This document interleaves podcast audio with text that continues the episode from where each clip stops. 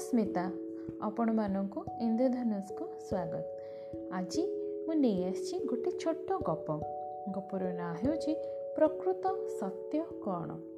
ଧର୍ମଗୁରୁ ନାନକ ଲାହୋରର ଏକ ଧର୍ମଶାଳାରେ ଅବସ୍ଥାନ କରୁଥାନ୍ତି। ଲାହୋରରେ ଦୀପକ ଚାନ୍ଦ ନାମକ ଜଣେ କରୋଡ଼ପତି ଥିଲେ।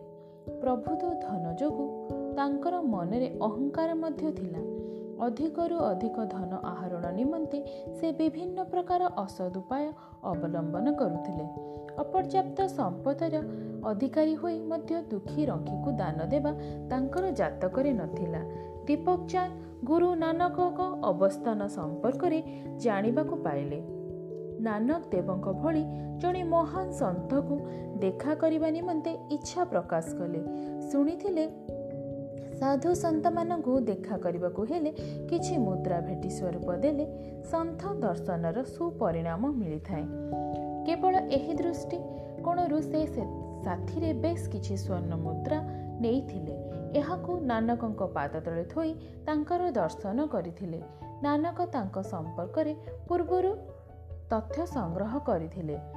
ସେ ସେ ଯେ ଲୋଭୀ ଓ କାହାକୁ ବି ସାହାଯ୍ୟ କରନ୍ତି ନାହିଁ ଏହା ତାଙ୍କୁ ଅଜଣା ନଥିଲା। ଆହୁରି ମଧ୍ୟ ବୈଭବକୁ ନେଇ ତାଙ୍କର ଅହଙ୍କାର ସମ୍ପର୍କରେ ଜାଣିପାରିଥିଲେ ନାନକ। ସ୍ୱର୍ଣ୍ଣ ମୁଦ୍ରା ଥୋଇ ପ୍ରଣାମ କରି ଅତି ନମ୍ର ଭାବରେ ଦୀପକ ଚାନ୍ଦ ନାନକଙ୍କୁ କହିଥିଲେ ଗୁରୁଦେବ ଆଦେଶ ଦିଅନ୍ତୁ ଆପଣଙ୍କର କି ପ୍ରକାର ସେବା କରିପାରିବି?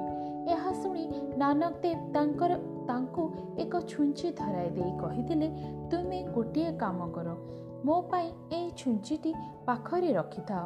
ଏହା ପରଜନ୍ମରେ ମୋତେ ଫେରାଇ ଦେବ। ଏତିକି କହି ଏତିକି କରିପାରିଲେ ତୁମର ଏହି ସେବା ନିମନ୍ତେ ମୁଁ ଖୁବ୍ ଖୁସି ହେବି। ଏହା ଶୁଣି ଦୀପକ ଚାନ୍ଦ ଆଶ୍ଚର୍ଯ୍ୟ ହୋଇ କହିଲେ ଗୁରୁଦେବ ଏହା କିପରି ସମ୍ଭବ? ଗଲାବେଳେ ତ ସମସ୍ତେ ଖାଲି ହାତରେ ଯାଇଥାନ୍ତି। ମୁଁ କିପରି ବା ଏହାକୁ ନେଇ ଆପଣଙ୍କୁ ଫେରାଇବି? ଏହା ଶୁଣି ନାନକଦେବ କହିଲେ କରୋଡ଼ପତି ଦୀପକ ଚାନ୍ଦ ଯଦି ତୁମେ କହିବା ମୁତାବକ ଗୋଟିଏ ସାମାନ୍ୟ ଛୁଞ୍ଚି ମଧ୍ୟ ତୁମେ ଗଲାବେଳେ ନେଇପାରିବ ନାହିଁ ସେ କ୍ଷେତ୍ରରେ କୋଟି କୋଟି ଟଙ୍କାର ସମ୍ପତ୍ତି କିପରି ତୁମେ ସାଥିରେ ନେବ? ଏହା ଶୁଣିଲା ପରେ ଦୀପକ ଚାନ୍ଦ ବାସ୍ତବ ସତ୍ୟ ଉପଲବ୍ଧି କରିଥିଲେ। ଅତ୍ୟଧିକ ସମ୍ପଦର ଅସାରତା ସମ୍ପର୍କରେ ଜାଣିଲା ପରେ ଲଜ୍ଜିତ ହୋଇ ଚୁପଚାପ ନାନକଦେବ ନିକଟରୁ ଚାଲି ଆସିଥିଲେ। ସେ ଫେରାତ ଦେଇଦେବା ସ୍ୱର୍ଣ୍ଣ ମୁଦ୍ରା ଧରି ନିଜର ଉଦ୍ଭୃତ ସମ୍ପଦ ଦୁଃଖୀ ରଙ୍କିଙ୍କୁ ଦାନ କରିବା ସହ ଲୋକହିତକର କାମରେ ବିନିଯୋଗ କରିଥିଲେ।